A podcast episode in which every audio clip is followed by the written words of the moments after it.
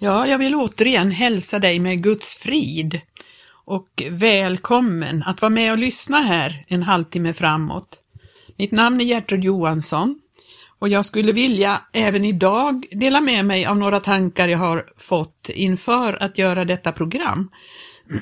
Jag har tänkt på hur det ser ut och ter sig i kristenheten idag.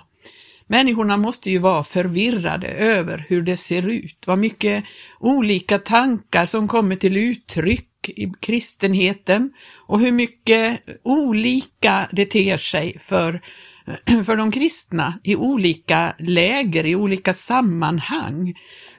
Detta måste, måste ju vara väldigt förvirrande för människor som inte har kunskap om de här tingen. Därför har jag tänkt att jag idag ska inleda en en eh, serie kanske utav eh, där jag ska tala om Jesu liknelser ur, eh, om himmelriket ur Matteus 13. För de liknelserna, där kan man lära sig mycket om varför det ser ut som det gör och också lära sig vad är Guds verk och vad är människors verk i det, den kristenhet vi ser idag.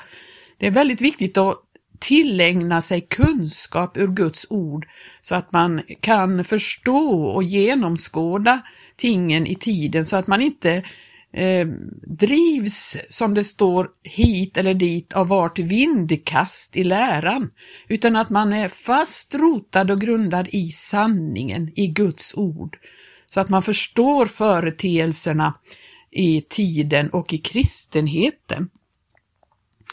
Vi kan börja läsa i Matteus 13, där det står så här från tredje versen. Jesus då, han talade till dem i mycket i liknelser. Han sade, en såningsman gick ut för att så, och när han sådde föll somt vid vägen och fåglarna kom och åt upp det. Och somt föll på stengrund där det icke hade mycket jord, och det kom strax upp eftersom det icke hade djup jord. Men när solen hade gått upp förbrändes det och eftersom det inte hade någon rot torkade det bort. Och somt föll bland törnen och törnerna sköt upp och förkvävde det. Men somt föll i god jord och det gav frukt, dels hundrafalt, dels sextiofalt, dels trettiofalt. Den som har öron, han höre. Vad viktigt det är att ha öron så att man hör. För eh, han säger i vers 16, men saliga är era ögon som se och era öron som höra. Det är inte alla som har ögon och öron, men vi må be Gud om att vi verkligen har öppna öron och öppna ögon så vi ser och förstår och kan ta emot Guds ord. I artonde versen så börjar då Jesus en uttydning av den här liknelsen som han gav om såningsmannen. Eh, I artonde versen står det så här, Hör alltså ni vad som menas med liknelsen om såningsmannen? När någon hör ordet om riket men inte förstår det, då kommer den onde och river bort det som såddes i hans hjärta om en sådan människa kan det sägas att säden såddes vid vägen och att den såddes på stengrunden. Det är sagt om den som väl hör ordet och strax tar emot det med glädje, men som icke har någon rot i sig utan blir beståndande allenast till en tid. Och när bedrövelse och förföljelse påkommer för ordets skull, då kommer han strax på fall och att den såddes bland törnerna, det är sagt om den som väl hör ordet, men låter tidens omsorger och rikedomens bedrägliga lockelse förkväva det så att han blir utan frukt. Men att den såddes i den goda jorden, det är sagt om den som både hör ordet och förstår det och som jämväl bär frukt och giver dels hundrafalt, dels sextiofalt, dels trettio trettiofalt. Jesus vill lära lärjungarna om hur det är eh, ställt med eh, himmelriket, för sen kommer en rad med liknelser som handlar om himmelriket. Och vi förstår ju att himmelriket, det är inte himmelen, utan det är det rike som är eh, på jorden och eh, där Guds rike ska ta gestalt. Där ett, ett rike i vardande som eh, har olika eh, situationer här på jorden medans det ska förberedas och bli färdigt för att tas hem till himmelen. Och här undervisar han då om hur det överhuvudtaget börjar. Det börjar ju med såningsmannen som ger, gick ut för att så. Och vi förstår ju att det är Jesus själv som är såningsmannen och det han sår är ordet. Och nu ska vi tänka att det är inte bara ord, utan han var ju själv ordet. Så hans eget liv var också en sådd och människorna tog emot det på olika sätt. Och vi kan titta lite på de här olika sätten som människorna tog emot det på. Nu är det så här att jag tror att det handlar inte bara om vilka som blir frälsta eller vilka som kallar sig kristna, utan jag tror att alla de här olika jordmånerna finns bland de som menar sig vara kristna. Och det kan man ju verkligen tänka, hur kan det vara så? Men eh, vi ska titta lite på det där. Vi kan först börja med vägen då, där Jesus säger så här. När någon hör ordet om riket men inte förstår det, inte förstår det. Vi har ju läst flera gånger här om det här förståndet som man behöver ha. Eh, Paulus är ju otroligt angelägen om att människorna skulle förstå. I Efesierbrevet 1 och 17 säger han så här. Och min bön är att vår Herres Jesu Kristi Gud, härlighetens fader, må giva er en visdomens och uppenbarelsens ande till kunskap om sig och att han må upplysa era hjärtans ögon så att ni förstår hurudant det hopp är, vartill han har kallat er, hur rikt på härlighet hans arv är bland de heliga. Och så vidare. Och han säger samma sak i Kolosserbrevet 1 och 9 säger han till dem. Allt ifrån den dag då vi fick höra härom, alltså han, de hade, han hade fått höra hur det hade börjat gro och växa där i församlingen i Kolosse, har vi därför och vår sida inte upphört att be för er och bönfalla om att ni må bli uppfyllda av kunskap om Guds vilja i allt slags andlig vishet och andligt förstånd. Och eh, det här att det var en väg gör att vi förstår att här har väldigt många människor gått fram. Det har blivit upptrampat och någonting har gjort att det finns en, en, en hårdhet i hjärtegrunden som gör att man har svårt att låta ordet gro och ta, eh, få rötter i den här, eh, och, och då kommer fåglarna och äter upp det. Och vi vet att fåglarna, i 19 versen i Matteus 13 står det att den onde kommer och river bort det som såddes i hans hjärta. Den onde. Och om vi tittar i Uppenbarelseboken eh, Uppenbarelseboken eh, 18 kapitel så står det om Babylon.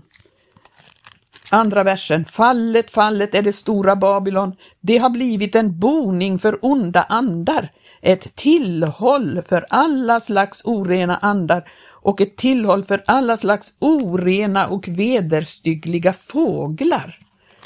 Fåglarna tog eh, vara på det ord som hade såtts på den här vägens jordmån, därför att då, då gestaltar det en annan slags kristendom där man blandar in onda andars läror i detta. Det ser vi i kristenheten idag, hur man blandar in onda andars läror mitt i det goda gudsordet. Man använder gudsordet på ett felaktigt sätt för att istället då eh, ha det som en ingrediens i dessa läror som är felaktiga. Vi ser mycket främmande som har kommit in i kristenheten. Det handlar om eh, bönetekniker, det handlar om meditation, det handlar om alla möjliga läror som inte hör hemma där och det beror på att man inte har låtit ordet sjunka in och bli vad det skulle vara i, eh, i människans hjärta och liv. Det är sådana kristna som blandar in främmande element, skulle jag vilja säga. Så har vi stengrunden. Det, det ser vi ju av eh, att man tar emot ordet med glädje, men han ha, man har inte någon rot i sig utan blir beståndande allenast till en tid.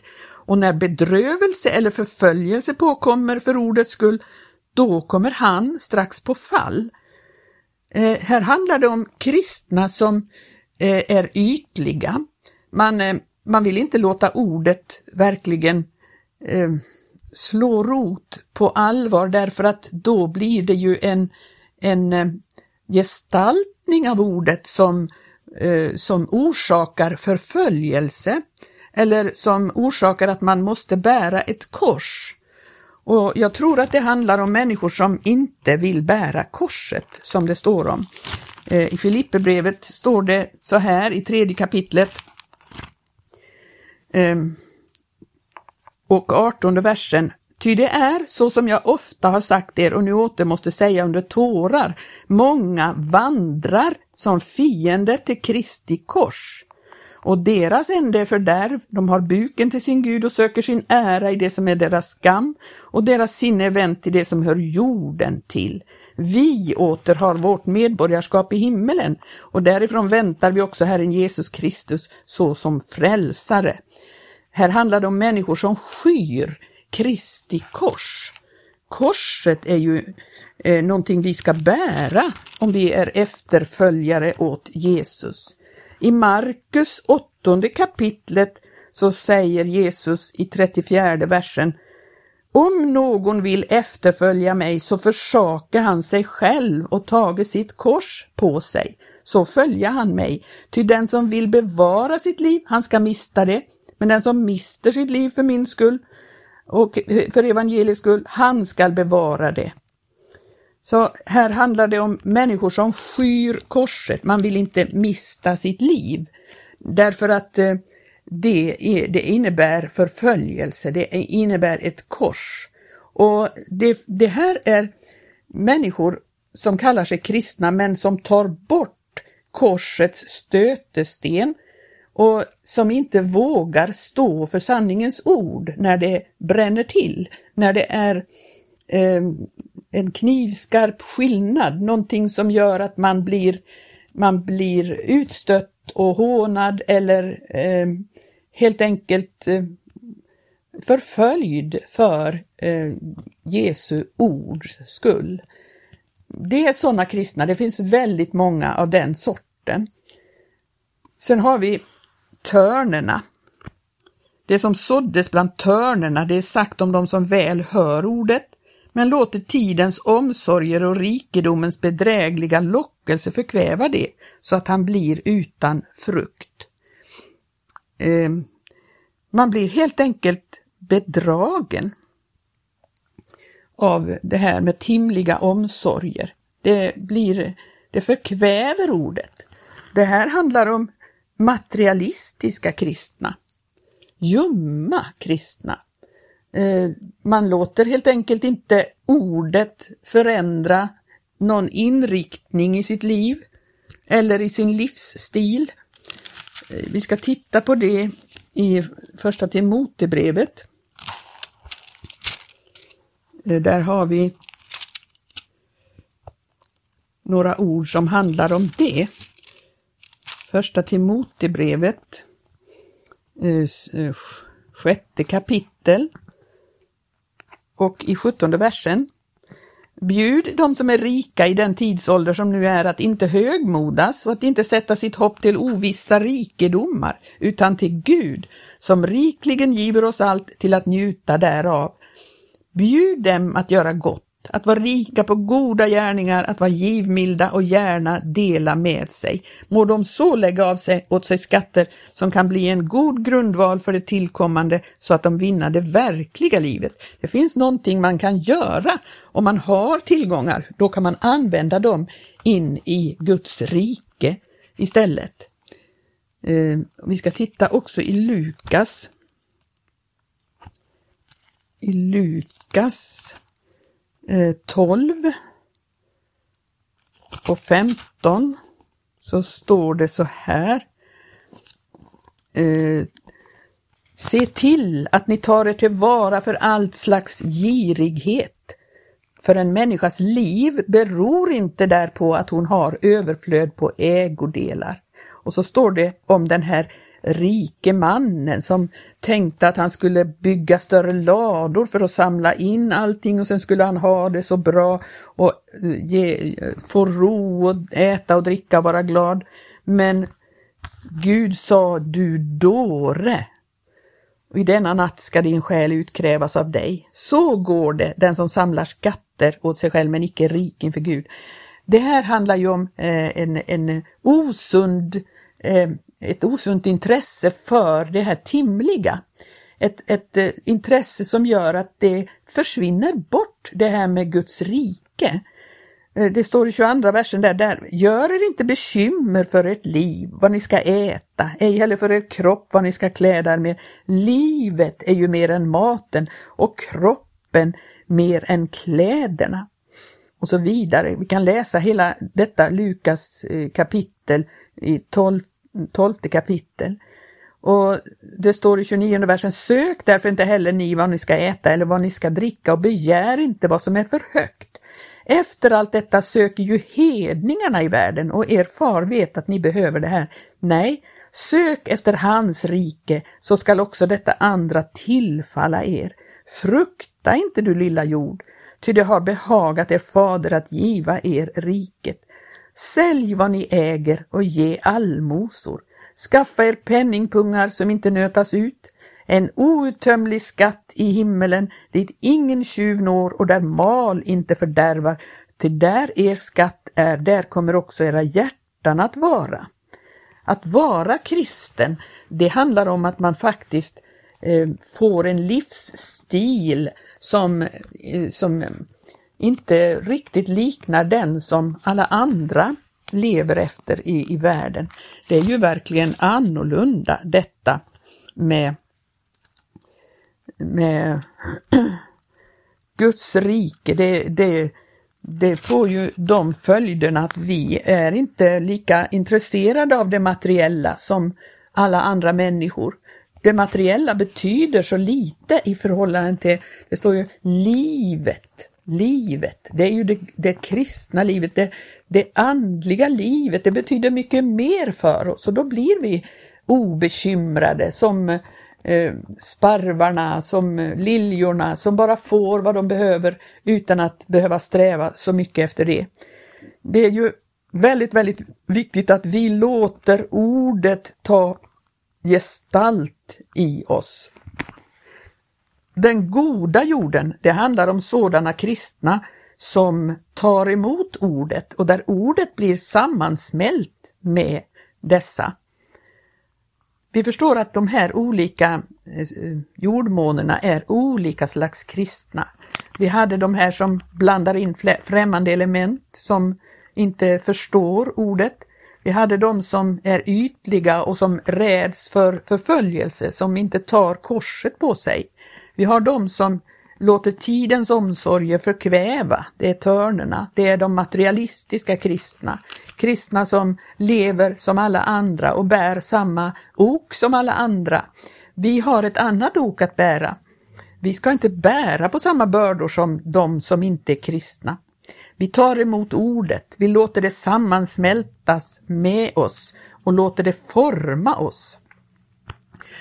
I Johannes 15 så står det ju om detta med, eh, med eh, att vara i Jesus. 15 kapitlet om, om att Jesus är vinträdet. Förbliv i mig så förblir och jag i er, så som grenen inte kan bära frukt av sig själv, utan allenast om den förbliver i vinträdet så kan ni det ej heller om ni inte förblir i mig. Jag är vinträdet, ni är grenarna. Om någon förblir i mig och jag i honom så bär han mycket frukt, ty mig förutan kan ni intet göra. Han säger ju också att jag har bestämt om er att ni ska gå stad och bära frukt. En sådan frukt som blir beståndande, står det i 16 versen där, Johannes 15. Det är ju det vi är satta till att göra, bära frukt för hans rike. Och det är helt enkelt att vi formas om till att bli så lik Jesus att vi själva blir som ett utsäde. Nästa gång så ska jag ta upp nästa liknelse i Matteus 13 då det handlar om en man som sår god säd i sin åker. Och då får vi veta lite mer om vad det kan innebära. Och med Guds nåd och hjälp så vill jag försöka förmedla det jag har lärt mig under den undervisning jag har stått under. Och jag hoppas att detta kan klargöra för dig varför det ser ut som det gör i kristenheten idag och varför det är så många olika eh, sätt att vara kristna på. Och man ska inte låta allt eh, som man hör, eh, man ska inte ta emot det hur som helst. Vi måste ha en andebedömningens gåva verksam så vi kan bedöma vad som är från Herren och vad som är någonting annat. Så att inte vi blir bedragna. Må Gud välsigna dig så ska jag fortsätta nästa gång med dessa liknelser. Och jag hoppas det kan ge dig något ljus över saken. I Jesu namn. Amen.